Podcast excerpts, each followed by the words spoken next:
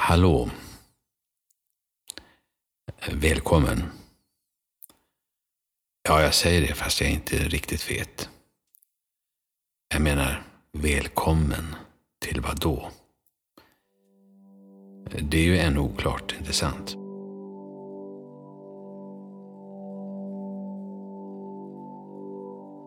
Det vi hörde nyss var inledningen på verket Nattlig resa.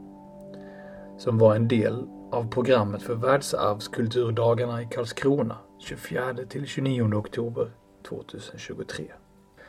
Verket är skapat av konstnärerna Karina Reich och Bogdan Syber som själva också deltog som båtvärdar på resan. I detta avsnitt samtalar Anton Ingvarsson med konstnärerna och diskussionen som tar avstamp i deras gemensamma konstnärskap berör också deras individuella konstnärskap och erfarenheter och blir till djupare reflektioner kring allt från filosofi, scenkonst, språk, intuition, bullshit, organismer, form, strömningar till fri konst, forskning, idéer, strukturer, pengar, förändring, makt, institutioner, akademisering och mönster.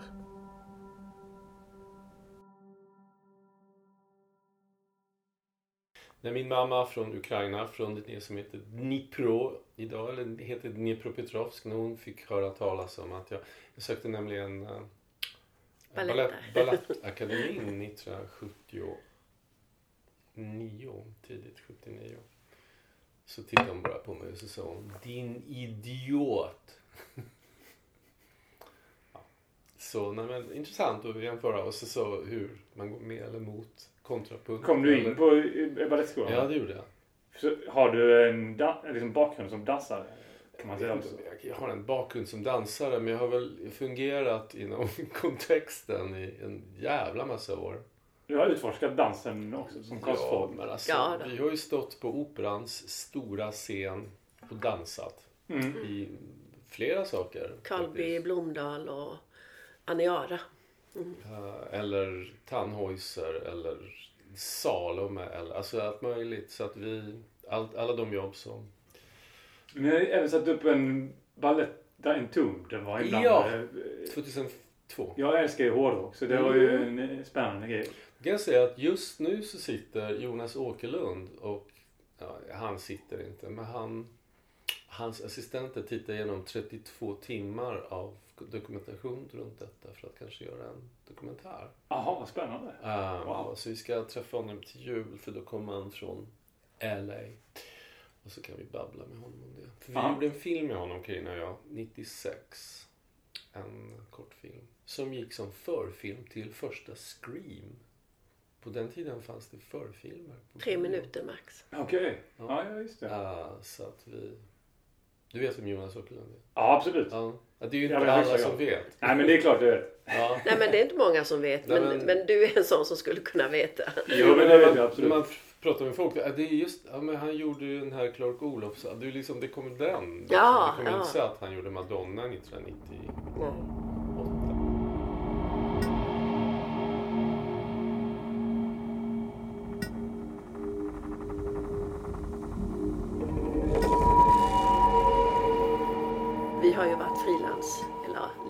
Princip. Eh, och så blir man 65 och så säger folk, "Åh, vad skönt, kan du sluta jobba? Ja, visst. Eh, det är så här väldigt lite pension. Mm. Nej, det är en tuff utmaning. Ja, det är väldigt tufft. Om man också- blir äldre så Ja, svårare att få jobb. förändras. Ja, svårare att få jobb. Eftersom ens, och det som vi pratade om förut, kompisgrupp. Antingen har de lagt ner eh, konstproducerandet eller så jobbar de på TV eller olika konstskolor som rektorer eller professorer. Så att då, då har de liksom gått in i det här jag har den anställningslivet. Det är intressant just det där som Carina Mm. säger att ja, du som för dig och PLX eller whoever, du jag har ingen aning, men just den där bubblan med peer group som förflyttar sig genom ens liv och konstnärskap. Och alla liksom sådär. Och så kommer de här nya efter. Mm. Ja, ja. Det är kul. Ja, men vi har Intressant och Det blir ju- konfronterande. Det blir Mm, kanske ja. så naturligt. Ja, det är så det funkar. Det är Alltså det, pump. att vi är organismer. Även, inte bara fysiskt och, eh, utan även kulturellt eller kon- konstnärligt också. Verkligen. Att, att man är en del av olika organismer som rör sig på olika sätt och utvecklas och Ja. förändras. För du blev väl till vad, på 10-talet eller 90-talet? Så att säga kul- kulturellt, konstnärligt, estetiskt. Estetiskt liksom. Ja, för du är du, för ung för att rava. Ja, från de första raven. Alltså för- från tidigt 90-tal. Ja, precis. Du är Nej, jag var ju senare. 94 eh, var jag 10 år gammal. Ja, precis. Så 2004, då, ja just det. Vi blev ju till tidigt 80-tal liksom, med all den musik eller mode eller whatever. Liksom, Ja. Litteratur och film. Och det är då liksom vi, vi är liksom Blade Runner, Road Warrior. Alltså vi det är ju där, där vi... Och Tarkovsk! Absolut. Tarkovsky. Ja, Ja. Hela den här sörjan av långsamma filmer från öst eh, var ju en grej. Och så var det ju, Fellini var ju tidigare men det var ju också någon estetisk blandning mellan Tarkovsky, Fellini och ja, sån här populärkultur. Ända fram till kan man säga Matrix som jag såg en bit av igår på tv-apparaten. 99. Ja, och, eh, ja, och det, det är ju väldigt sent men, men också någonting som på något vis nästan tycker jag klingade med det här 80-talets Blade Runner. En slags eh, post framåt blickande. Alltså en estetik som man lånade från förr och sen ändå in, tog in i framtiden. Eh, som Blade Runner var då. Alltså, Men, Som någon slags eh, modern retrofuturism. ja, eller exakt. liksom- Ja, ja, det kanske, ja, det är nog ett bra ord. Ja, absolut.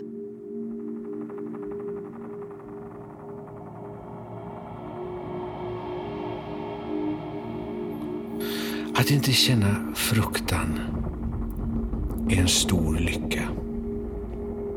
Ändå. Man kan drunkna i en liten bäck. Kanske bara en vattenpöl. Båtens tunga skrov. Ah, vad det invaggar en i trygghet.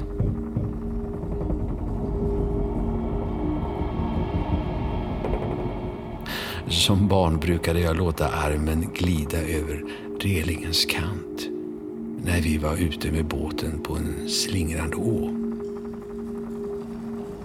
Handen släpade i vattnet.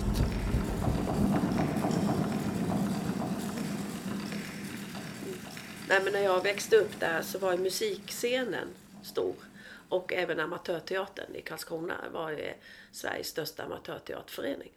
Och, eh, så då började jag spela där liksom från jag var 12 i skolan. Jätteundliga folk som kom och hade teaterkurser. Sådär lite underliga bara.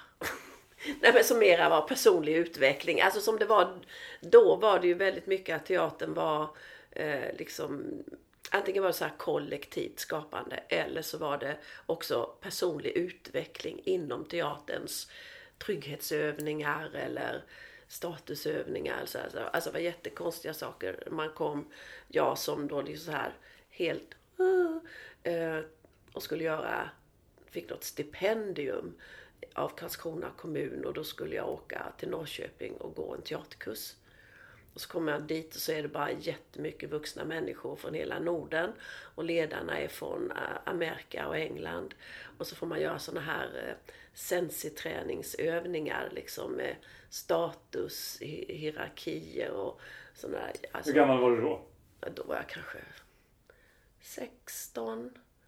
Så här, bara liksom. Och vi hade ju bara spelat Brecht hela tiden. Och varit sådär, kampen. Eh, och så kommer man dit och så är det bara en massa vuxna människor som vill knulla. Och då var ju vi, jag och min kompis, vi var 16 år och bara. Det slutade med att vi satt liksom på rummet och inte vågade gå ut på den här folkhögskolan. Ja, Det låter lite överväldigande. Ja. ja, det var så metoo som man kunde... Eh, men det fanns ju inte då. Då var det ju liksom fri sex som gällde.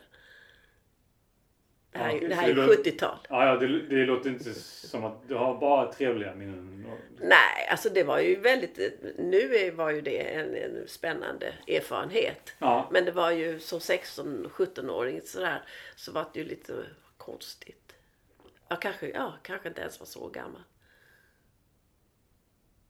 Ja. Ledde det dig vidare på bar, alltså någon slags teaterbana? Eller, liksom, eller tog det stopp där och du ville, ville du liksom... Det ledde ju här till Ja, jag Ja, det ledde för- ja, det ledde- liksom att det, nej, men- det nej, var men- ditt första möte med teater, Med teater eller så scen, Ja, scenkonst. ja, det var, ändå jo, men liksom det på något var sätt väldigt avantgarde för att det var också, det var också sammanflätat mer med konst. Alltså teatern stod för någon slags självutlevande, självutveckling och den fria människan.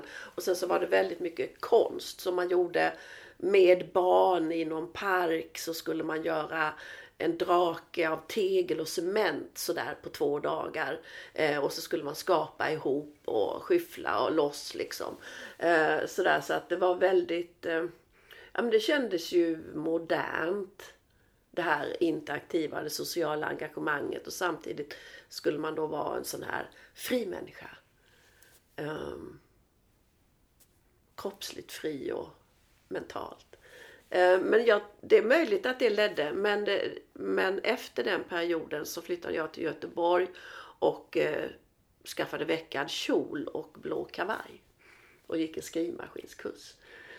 Så, men sen drogs jag tillbaka in i det här. Träffade, jag vet inte, det, då fanns, du vet ju vilka det var, Jack and George. Då började sån här improvisation och fysisk teater, dans och ja, alltså vi har ju levt så himla länge. Du har också levt ganska länge. Så man, så man liksom lever igenom såna här strömningar av konst och alltså om man är i den eh, som är ju nära fastklibbade med det mentala landskapet både i förhållande till samhälle och politik och ideologi och sådär.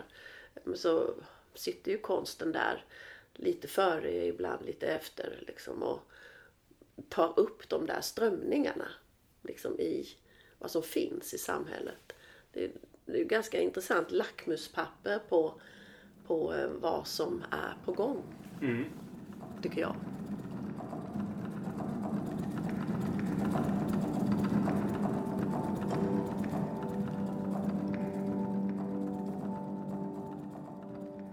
Finns ju en del människor uttalar ju en klar, eh, liksom, vad ska man säga, nästan en appell eller deklamation av, eller man har ett eh, program.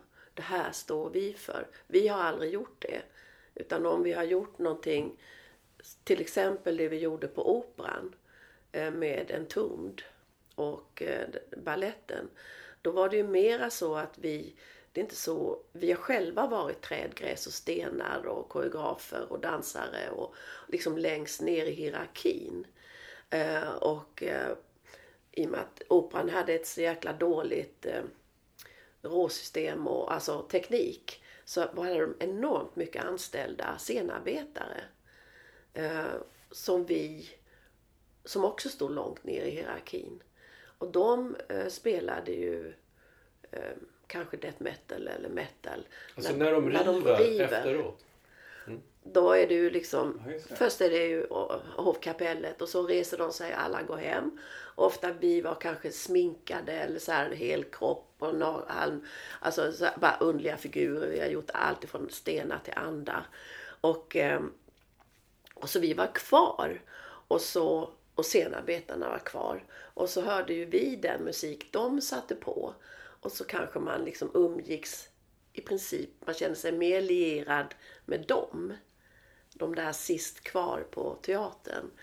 Och eh, när vi gjorde då den här Unreal Estate eh, då var det ju det vi tog upp genom att sätta en metalorkester i diket och liksom den clashen mellan liksom tofsarna, guldet och allt det där och sen samtidigt den här eh, mm, dödsorkestern som kommer upp. Man kan ju höja pitten där på Kungliga Operan eller kan fortfarande. Så att de kom upp. Orkesterdiket. Orkesterdiket, ja. Höja pitten. Ja, nej, men, nej, men, Det är en helt annan härlig Ja, anglicism precis. Carina. Det kunde man också. Mycket bra. Det, men det, det kunde vara, det Anton, var lite... det här var kan lite, du göra någonting av. Men gud, jag att pitten. Va, va, Bra, ja, Carina. pit, Orkesterdiket. The pit, ja, eller orkesterdiket. Alltså, Jag har en det förklaring. Ja, ja. Eh, men ehm, Ja, jag fattar vad du menar. ja. Men är det... Är det Och Då, jag skulle bara säga ja, så ja. att vi gör, gjorde ju det på det sättet. Det är ju helt subliminalt. Det var ju ingen som fattade att det här var en klasskamp eller liksom att vi tog en miljö och, och gjorde någon slags site specific av, av själva operan, operans liksom olika lager. För det syntes ju inte i vår föreställning. Den, den var ju liksom, kanske en del tyckte var naiv. Men vi tyckte att den i sina komponenter tog någonting och visade på någonting. Ja, vi ville ju, vi, uttalat ville ju vi göra, ville ju göra en clash mellan någonting som Ja. är den absoluta högsta och mest stö, skattemedelsstödda eh, kulturform som finns. Och det är ju det som försiggår på Kungliga Operan. Mm. Och någonting som är dess diametrala motsats. Så skulle någonting bli synligt, om inte annat. Så någonting blev synligt. Men jag menar, Men det var ju ingen politisk appell. Estetiken utgick ju väldigt, väldigt mycket från deras texter som handlar om eh, Lucifer En och eh, Mm. blod som forsar av yxor som kastas och så vidare. Så, Alltså det var ju en eh, helt annan sak. Ja. Ja. Jag vet inte om det här besvarar din... Nej, men jag vi ville bara säga, Underdog, vi har ju inte- underdog-perspektivet som du påtalar Ja. har vi haft med oss från första Därför att vi kommer från kroppen. Vi kommer från... eh, och kroppen är längst ner hierarkiskt när det gäller eh, De konstnärliga Ja, uttrycksformerna. och ordet är högst upp. Man har ett Nobelpris i litteratur. Man har ingen Nobelpris i någon, Dans. någon ja, liksom snickeri. Alltså, det, eh, så, så vi kommer ju från det och vi har gjort en klassresa. 2006 gjorde vi Nobelfestens divertissement. Eh, men det började 1980 när vi träffas på Danshögskolan. Och så tog det... Så att vi, och så nu har vi gjort en opera. Den går ju fortfarande på TV. Du kan ju snabbspola dig igenom den. Hoffmans äventyr på Norrlandsoperan. Mhm. Av Jacques Offenbachs enda opera. Annars gjorde han bara operetter. Så innan han dör så skriver han den här.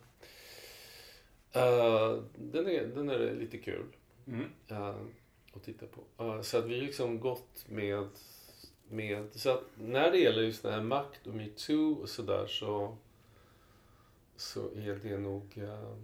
har vi, vi nu har nog aldrig... Vi också klassmässigt att vi har... Vi kommer ifrån verkligen, lite som du, lite lower middle class. Lite, kanske inte white trash men liksom åt, mer åt det hållet. I alla fall två generationer bakåt, definitivt. Mm. Definitivt. Mm. Min morfar hade, och hans bror, hade en vagn och eh, en häst i Dnepropetrovsk. Det Mm. var en, en speditionsfirma, men det var en vagn och en häst och hans bror. Men bara att ha en häst. Det är slutet på 1800-talet. Nej, det är faktiskt fortfarande 1920 och 30-tal. Ja, ja, just det. Så, men jag ska inte skylta med oj oj oj. Fan vad så här, nå- någon slags en proletär romantik. I don't do that. Men, Nej, det men det är men- ganska intressant utifrån det här metoo-grejen. Det är liksom, sen behöver det inte det. Sen kan man ju vara, eh, man kan komma från djupa uh, arbetar eh, och bondeled och ändå vara en, en asshole. Uh, Ja, När ja. man har stigit graderna så, så kan Det finns Verkligen. alltså överallt. Eller hur? Eller hur? Men det, alltså, och, och det är ju kanske beroende på vilken kontext eller om man då har en idébaserad agenda eh, kanske kan vara eh, finnas olika värderingar i det. Men det kan ju också bara vara en förutsättning för den man är och det man gör. Eh, utan att värderingen finns där. Mm. Om man Verkligen. kommer från någonting ehm, så kan det ibland tala om för en var man är på väg. Mm. Eh, Verkligen. Om man lyssnar på det. Ja, Ja, verkligen. Men det är ju två linjer för, jag, för vad jag tänkte på den där idén då om det öppna och den fria och framåtskridande människan där på 60, i slutet på 60, början på 70-talet. Liksom.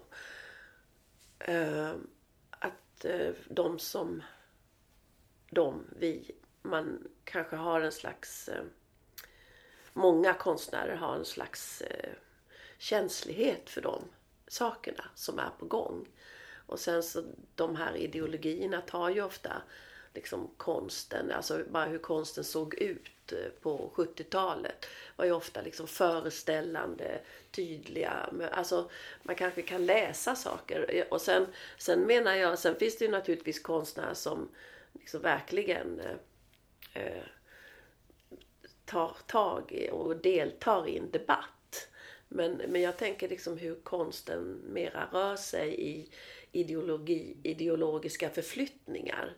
Eh, som och kanske har en viss känslighet för det innan saker och ting har blivit så här. För 60-talet och 70-talet det, liksom, det ledde ju till en ny kulturpolitik och eh, skol... Alltså det var ju väldigt mycket förändringar som skedde. Eh, och sen så på 80-talet så återgick ju eh, liksom kollekt, idén om kollektivets godhet till mycket mer individualism av ekonomiska förutsättningar. För vi kom precis i den skarven när det började bli projektteater. Tidigare, om vi var då i scenkonst, då hade det varit grupper. Fria grupper så att säga. Det var liksom den tiden. Fria grupper. Och vi kom i början på 80-talet och blev ju vansinnigt utskällda för vi jobbade med form. Och då, när man jobbade med form så var man innehållsligt ytlig. För man jobbade med ytan. Och det, vilket betyder då att man har naturligtvis ingenting att säga. Eh, och man kunde inte se budskapet i formen. Alltså, och nu pratar jag teatern, för konsten har ju... Där har man ju lite mer öppenhet för, hallå, det är ytan, berätta någonting. Men just teatern har ju det här liksom ordet och ska genom dialogen säga någonting så här. Eller hade. Men det lever nästan kvar ja, alltså. Nästan, kv- speciellt i oj, oj. ansökningar så här. Oj, oj. Vad handlar det om? Liksom, Den här frågan. Alltså om du gör en abstrakt tavla så hoppas jag att inte så många frågar dig, men vad handlar det om egentligen? Men den frågan får ju vi fortfarande.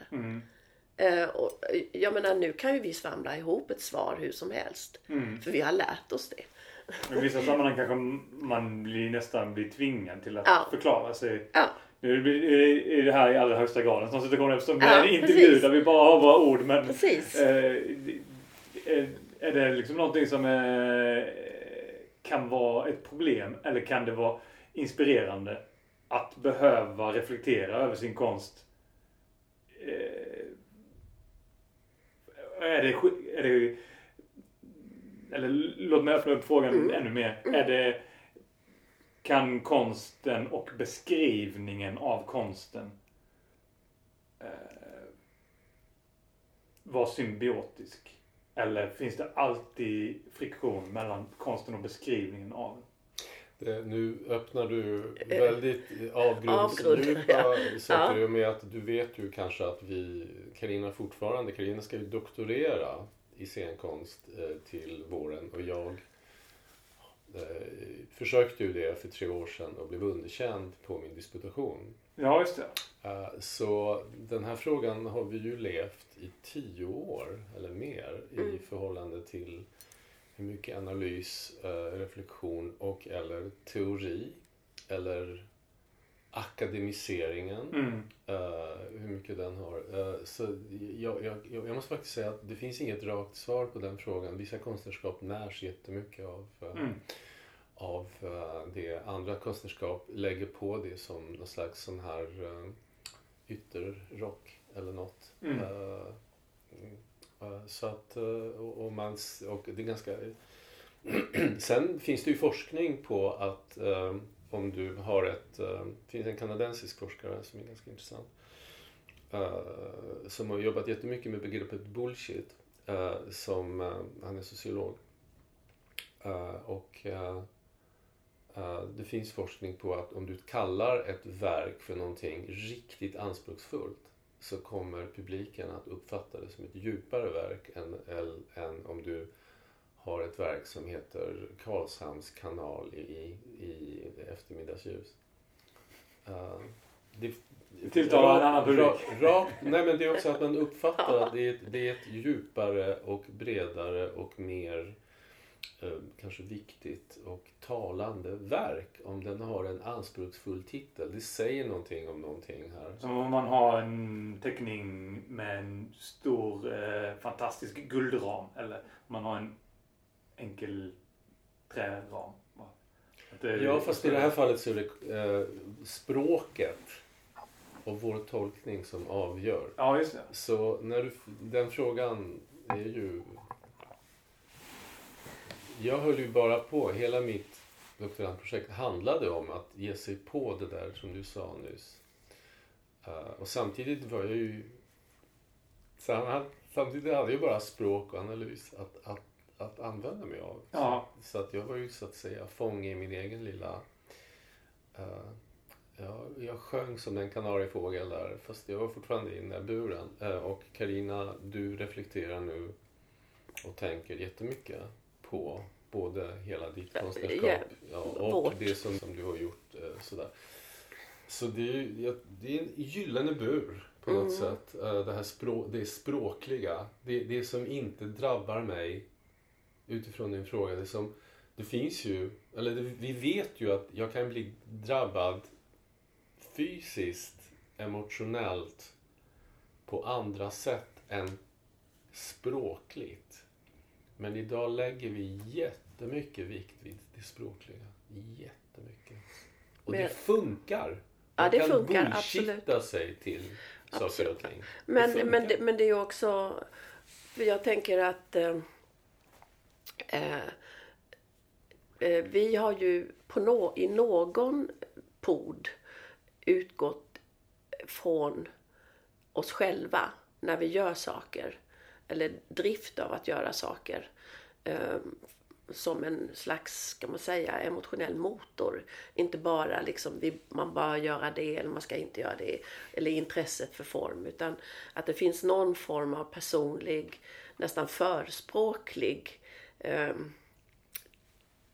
vilja mm. att gå och måla rött eller blått. Mm. Alltså, och det där eh, kan man kanske se senare när man har producerat ett varför har jag gjort tio blåa tavlor och inte en enda röd. Då kan man, det är, det är liksom en lång efter kan man se det. Om man liksom se, sätter sig och tänker i startpunkten. Oj, varför vill jag göra blåa tavlor just? Um, en del gör kanske så, men, men att själva den där driven av att göra konst, speciellt konst som du inte har något uppdrag att göra. För då, då kan det ju finnas andra premisser. Mm. Du tjänar pengar eller du blir berömd eller du kommer in i ett sammanhang du tycker det verkar kul att undersöka och vara. Eh, sådär. Men, men just det där egendrivna, det som du gör utan att någon ber dig om. Då tänker jag att det finns ett värde i att vara förspråklig för sig själv. Eh, vi har ju då varsitt projekt som kanske är, som man kan inte säga, jag gör det därför att.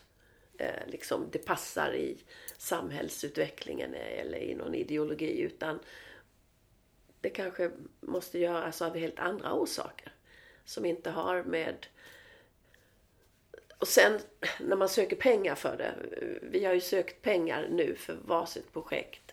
Då måste man ju göra det här språkliga analysen och försöka skriva in det i någon slags logisk eh, eh, idévärld som gör det angeläget för mera än din egen eh, lilla personliga konstnärliga utveckling. Mm.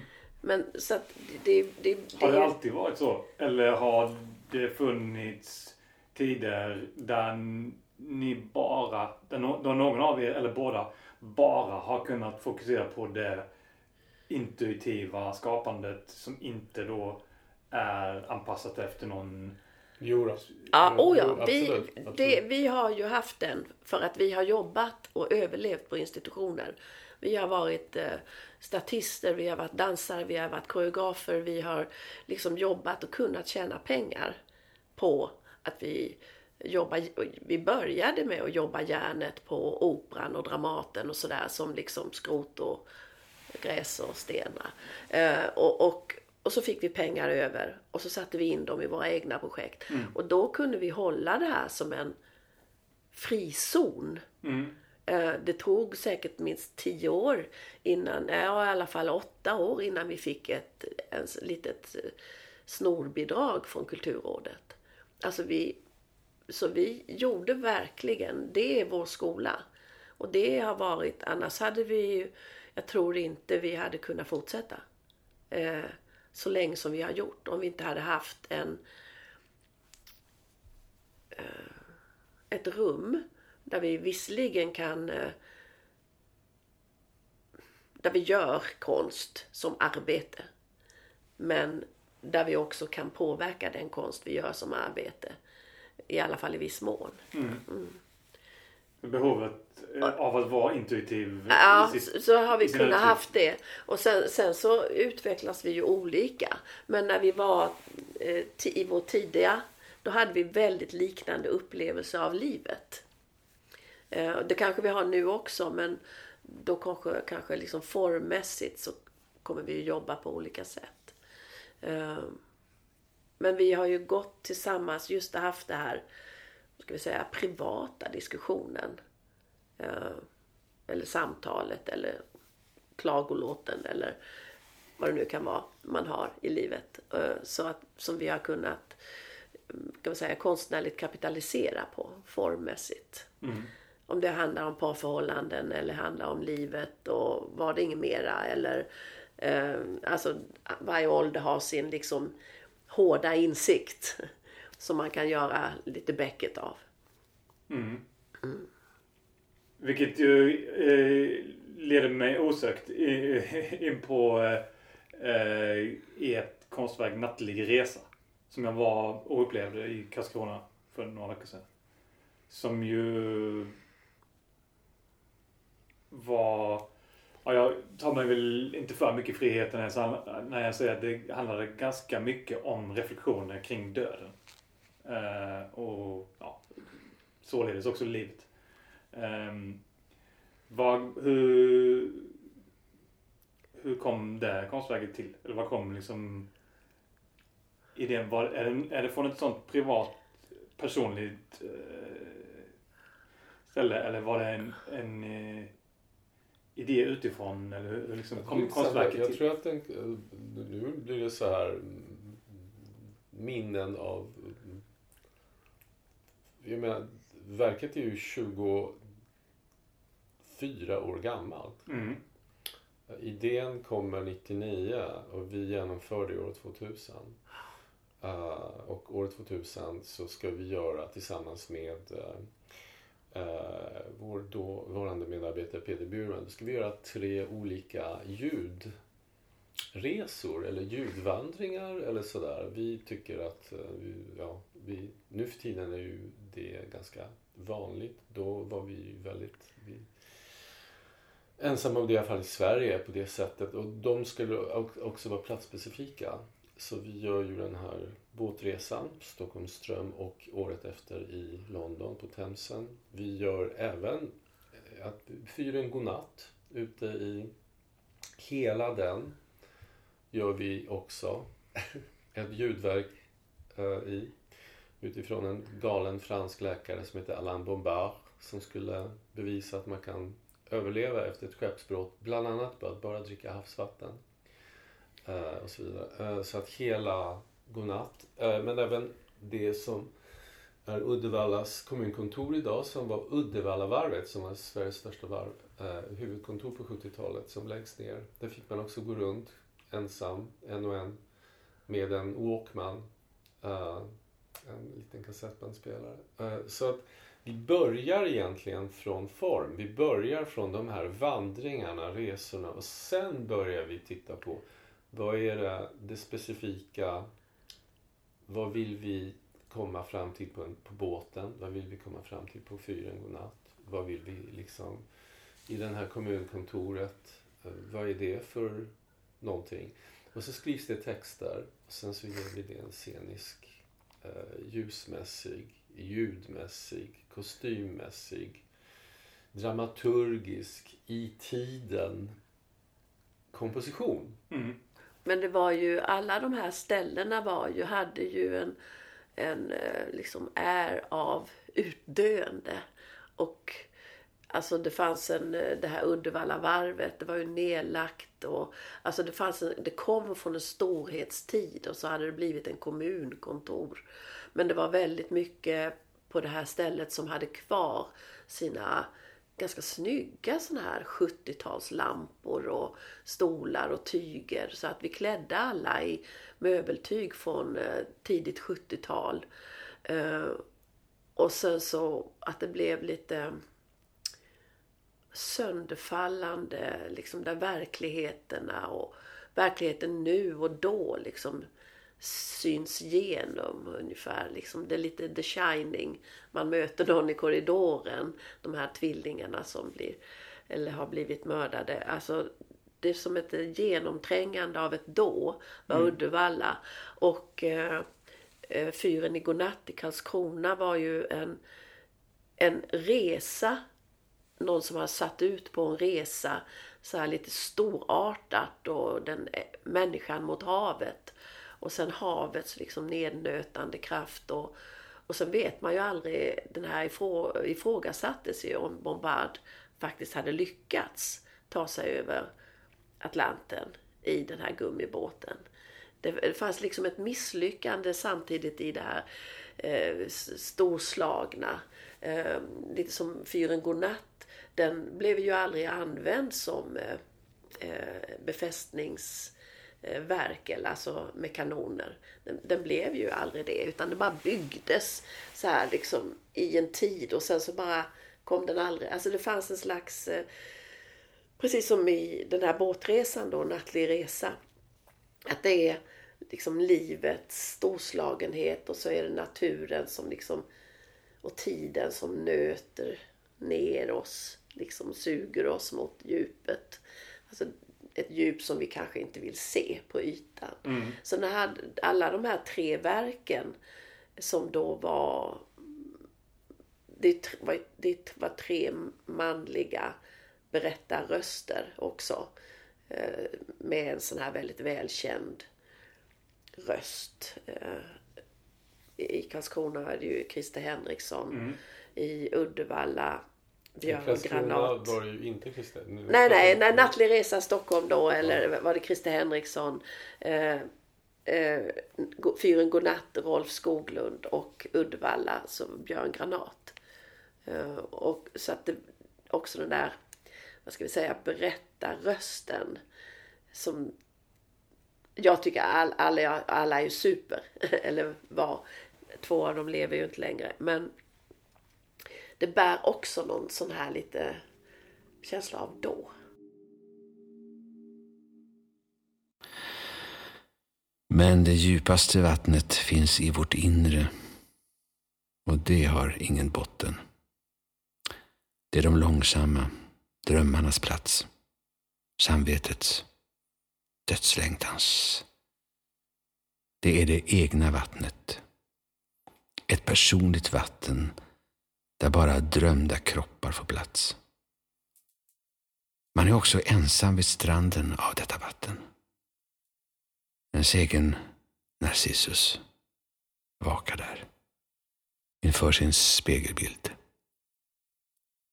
Jag upplevde det som att det också gav en viss eh, trygghet Ja. Att jag kände igen Christer Henrikssons röst. Kanske också för att jag är Sagan om ringen-nörd och han spelar Frodo i Sagan om ringens radioteater från 80-talet eh, eller 90-talet. Ja, ja, ja. Men ja. Eh, den rösten, mm. berättarrösten och lugnet i, det ger ju en, en trygghet att också reflektera över de här ganska djupa ämnena som om man inte reflekterar över det eller vågar då så att säga ge sig ner under ytan och och reflektera över förutsättningarna eh, som vi har som människor. Att vi ska dö.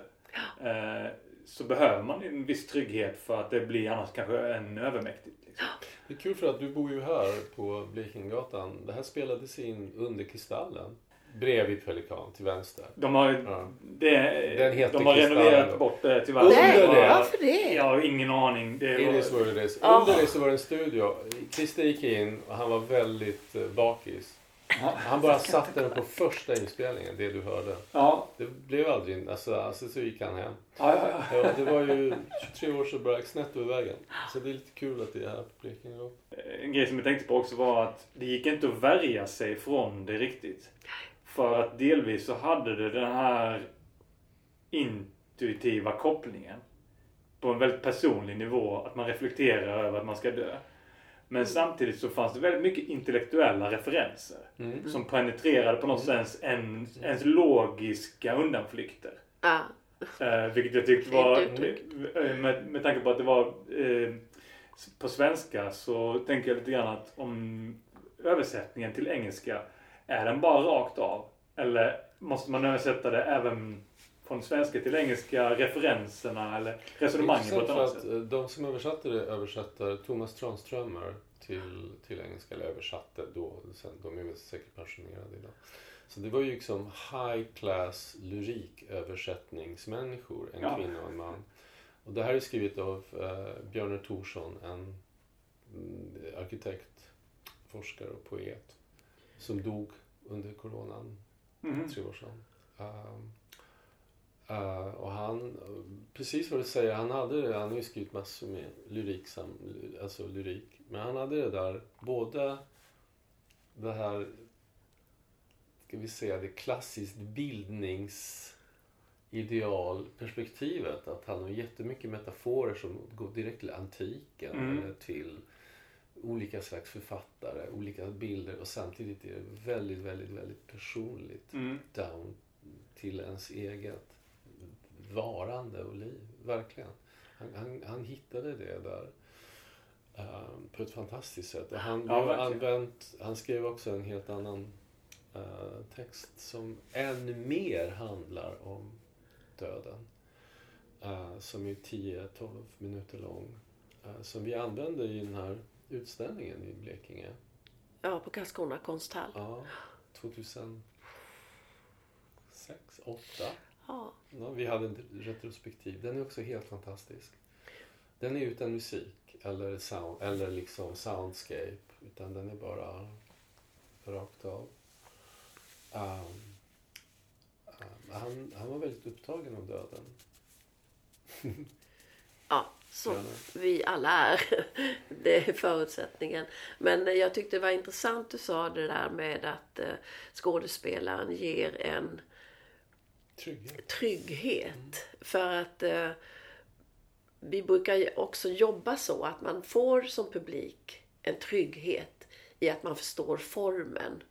Det finns en igenkänning i båten, i en sightseeingtur, att sitta med lurar, att färdas genom ett bekant landskap i Karlskrona till exempel då fast på fel tidpunkt.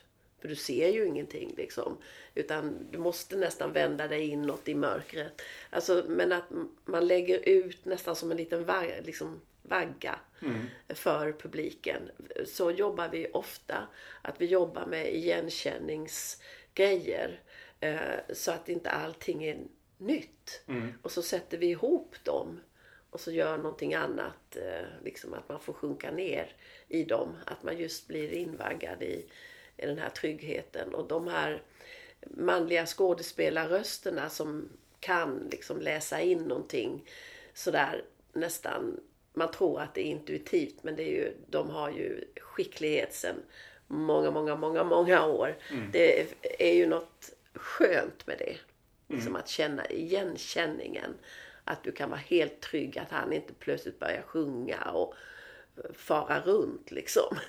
Eh, och att det är en äldre röst, inte en skådespelare som är 25. Som kanske skulle inton- intonera helt annorlunda och göra mer av det än vad texten har. Eh, För Christer gör ju en läsning där texten, han lyfter texten. Serverar den. Eh, Väldigt så här kleinkonst med rösten. Mm. Nej, det, är, det är fantastiskt. Ja, det är väldigt bra. Kanske kan man säga att det gungar till ibland. Och att det ändå är ett system. Ett frasande, växande av ting. En tinghud. Spänd över mörkret. Jag säger det inre mörkret. Upp ur vilket simningen sker. Där stup av svärta skapas.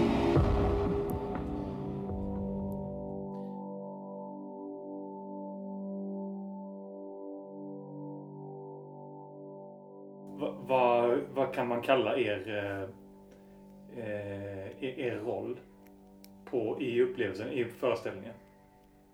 Ni var som alltså, konduktörer på tåg, men ni var som någon Båtvärdar. båtvärdar. Steward, stewardess på något sätt, fast på en båt. Man fick en liten kopp te som man först var lite misstänksam om det var gift. Ja. Som om man skulle bli förgiftad och så börjar man tveka. Men så identifierar man det som att ja, det var nog bara lite gott te Det är med... lite kul att du, att du säger te, därför att 1999 är vi, det är året innan vi gör det, så är vi i Kyoto. Eh, för att en väldigt god vän ska gifta sig med en japansk kvinna. Och vi har aldrig varit i Japan, men vi måste åka till hans bröllop. Så att vi åker till hans bröllop. Och, vi, och det här är mitt i vintern, det är januari och eh, det är väldigt råkallt i Kyoto. Alltså det är, så här, det är väldigt fuktig kyla. Vi går runt och fryser och så är det, jag vet inte hur många tempel det är i Kyoto. 100, 105, alltså det är helt... Det, det är hur många tempel som helst. Det är shinto, det är buddister. Alltså det är så här, I alla fall så går vi till något och där är en föreställning som inte är kabuki eller, eller nå teater eller någon, utan det är något ytterligare annat och vi fattar ingenting. Och det är ingen uppvärmning, det är bara så här trähus. Och alla är jättepåpälsade och eh, vi börjar frysa ganska ordentligt. För det bara pågår och det, bara, det är jättelångsamt och sådär. Så går vi ut och vi, vi är riktigt nedkylda. Och där är det plötsligt en massa nunnor. Typ shinto eller buddhist, jag vet inte. Och så har de ett stort tråg med, och nu kommer det, inte te. Utan varm mjölk med honung och jättemycket ingefära. Och då får man en kopp av det här och det är otroligt effektivt. Man blir varm. Det var det ni fick. Okej. Och sen finns det ju texten eh, Vår mjölk är månen löst i vattnet. Det viskas osynligt av dem som redan är där.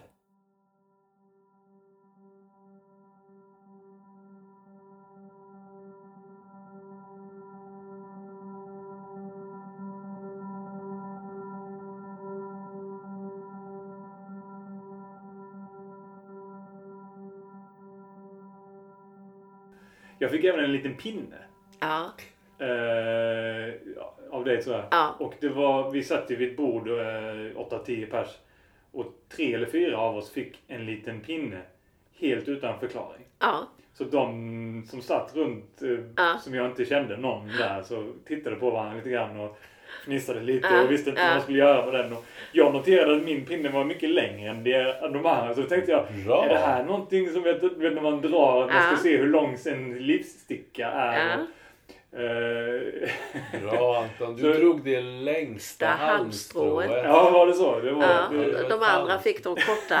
Du hade en jädra tur men de, där. de som inte drog någon pinne, de var inte, de var inte med i... Nej, de var inte Nej. med. Fick inte vara med i lotteriet. Det var Nej. ingen som sa att det skulle vara rättvist. Nej, precis. Det, fanns, inte- det finns inte flytvästar till alla.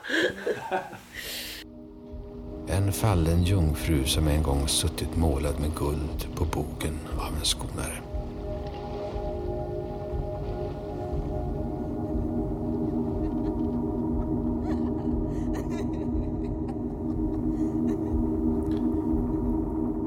Hon inte havande som hon trott i sitt oförstånd när hon gick till stranden, så blir hon det nu.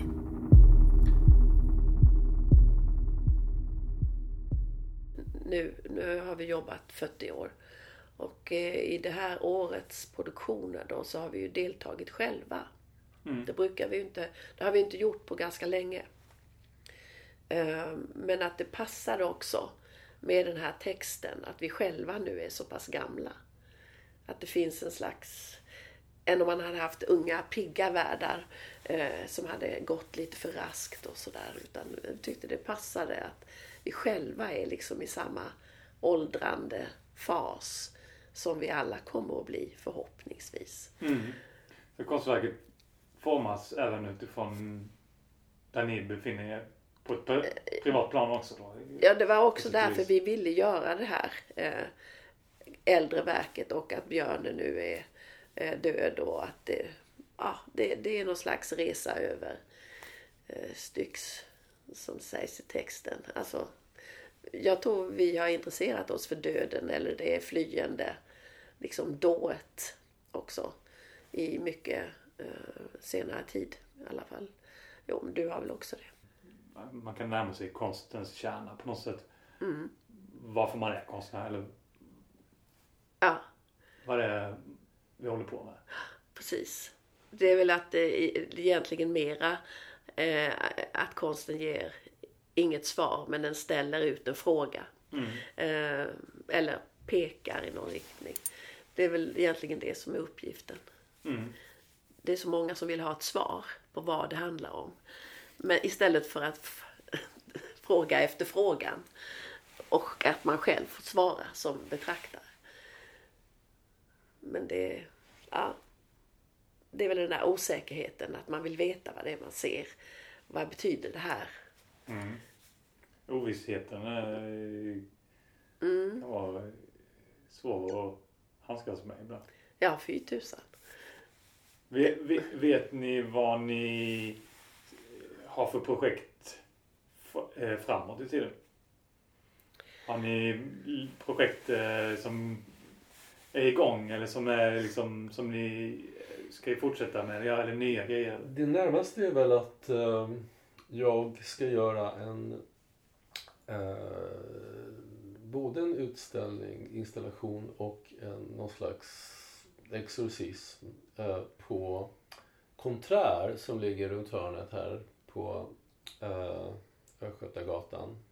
Ett helt nytt ställe för scenkonst. Ja, den ligger bort, om du bara fortsätter mm, över Folkungagatan bredvid Elsa Hammarströms Fisk. Just det. Där är en ny scen som heter Konträr. Mer för kanske, ja, för lite annorlunda utanför mainstream-fåran scenkonst. Men även musik. Jag tror att den här helgen så har de någon drone, eh, noise, EMS, eh, Fylkingen-artad eh, musikfestival. Där. Ska jag göra något som heter Dr. Schüber eller Hur jag slutade ängslas och lärde mig älska konstnärlig forskning. Eh, Wow. I april nästa år. Ja, så att jag är full. Jag zoomade runt om detta. Idag imorgon har jag första pro- produktionsmöten. Eh, och det kommer bli 70 minuter långt. Och eh, ja, och som sagt en, en installation och utställning om, eh, ja, om konstnärlig forskning från mitt perspektiv eller från andras perspektiv också i foajén. Det är väl det närmaste. Eh, eh, sen ska ju du doktorera bara typ fyra veckor efter det. Mm, det hade jag tänkt. Eh, eller jag planerar för det. Mm. Och, och doktorera på... Ja, jag har ingen bra titel ännu. Men eh, att det är autörens förhållande till sin egen idé när man arbetar samskapande. Man använder samskapandet och andras idéer i sitt eget. Liksom var går gränsen mellan det privata och det gemensamma? I skapandet av saker och ting. Är, Ja. det är mycket knutet kring ert samarbete också. då. Ja, jag använder vårt samarbete som exempel och utgångspunkt. Eh, Eh, men det är också liksom olika förflyttningar på eh, olika, om det är samskapande liksom i dans eller om det är samskapande i en teatergrupp eller eh, samskapande med miljön. ja, hur, alltså jag menar inte bara samskapande som en kollektiv företeelse av oss människor utan att du som konstnär använder det kan vara slumpen eller omgivningen eller dina medresenärer som konstnärer eller amatörer. Alltså hur, hur du förhåller dig. Liksom. Mm. Hur håller du din, ett konstnärskap när det eller som är beroende av du tar in. Det är liksom en metod att ta in eh, allting. Detta blir en avhandling. Ja, Det är väl eh, närmaste halvåret. det är det närmsta halvåret. Ja. Till slutet av maj. Mm.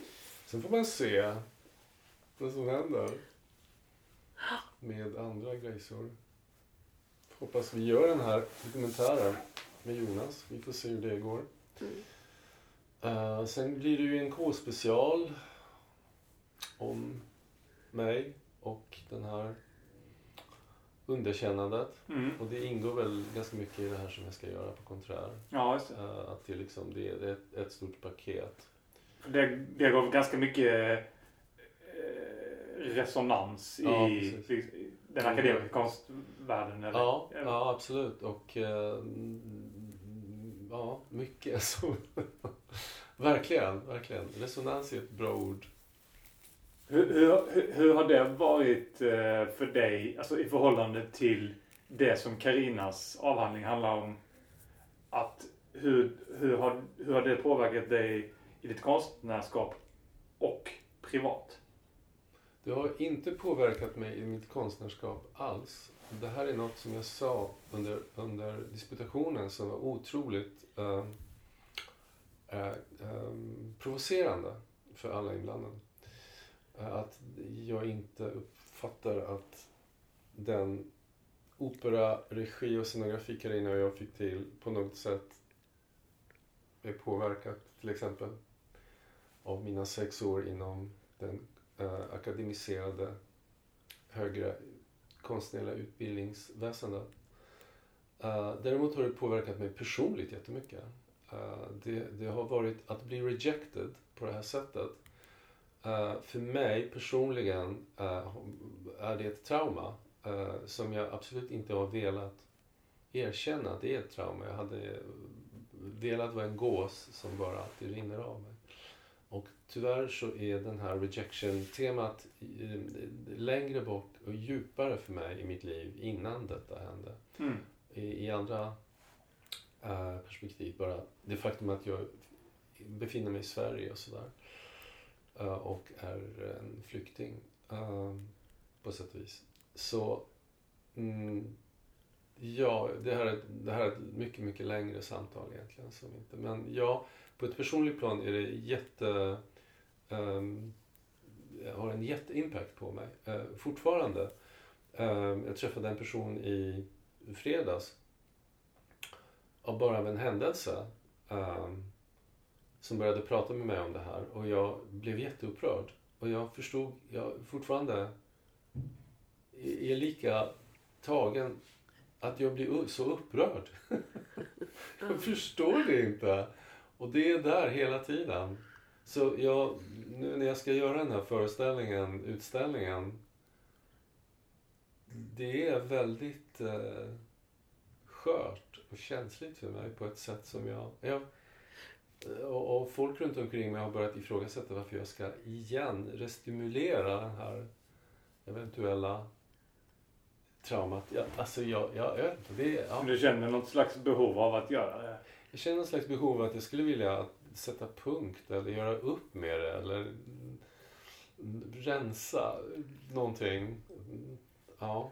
Men är det, det här är min femöre psykologi. Är det inte också att du som vill ha en personlig röst i det här? För att det har ju varit en väldigt debatt och ja, de ena tycker så och de andra tycker så och du har liksom kommit i mitten av någon slags eh, tyckar eh, eld eh, sådär eh, och, och ditt exempel används i för och emot debatt konstnärlig forskning.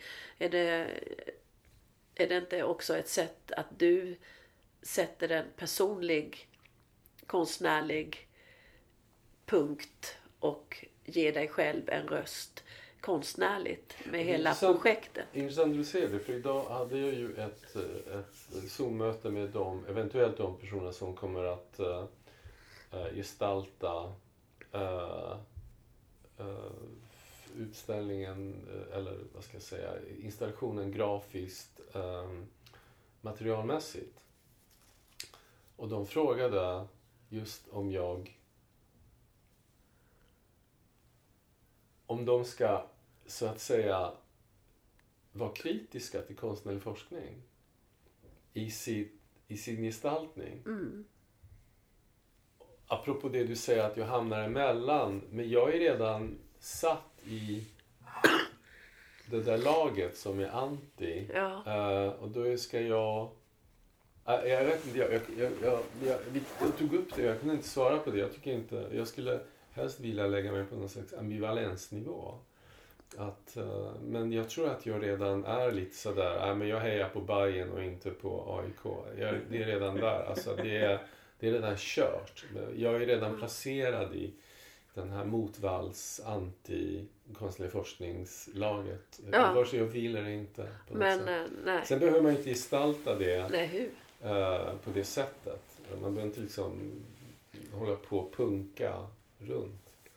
Eh, men ja, jag vet inte om du svarar på din fråga. Ja, det har Jo, jag. absolut. Alltså, det är ju är bara väldigt eh, fint att få ta del av eh, berättelsen. Mm. Och, eftersom det också är liksom någonting som jag gissar är integrerat i alltså, både personligt och konstnärligt. Eh, att när man jobbar som konstnär så eh, kan man göra det på så många olika sätt. Men att ni känns som att ni ändå har sån personlig anknytning till er konst på något sätt. Att det blir svårt att kanske inte när- om, om du nu ska göra den här grejen på konträr att du har en ingång från det du har varit med om. Det blir på något sätt en naturlig rörelse. Både privat och konstnärligt. Jag, jag tror att i, och med det vi pratade om förut, det här viscerala, det, det är liksom att det, eh, att det har en impact på ens kropp eh, etc. Eh, och inte direkt det mentala, konceptuella, eh, cerebrala. Eh, har, har, har blivit jätteviktigt för mig att det som händer där, utställningen kan vara informativ eh, öppnande för huvudet och tanken. Sådär. Men det som jag gör där inne, eh, som är den här riten, exorcismen, tran- transformationen, något sånt där. Det måste vara, den ska inte vara, den ska bara vara eh, en hypnotisk seansartad historia. Eh, den ska inte prata den ska inte prata. Den Inte bara polemik. Den ska Mm. känna. Så tänker jag. Den ska vara en impact on the senses, men inte, inte något annat. Sådär, tänker jag. Det här är Mm. bara, jag bara surfar runt nu. På, Mm. på, sen får vi se vad som händer Mm. när mina idéer träffar fläkten. Mm. Men jag trycker på stopp här då. Mm. Mer himmelska än de blixtrande stjärnorna tycks de oändliga ögon som natten öppnat inom oss.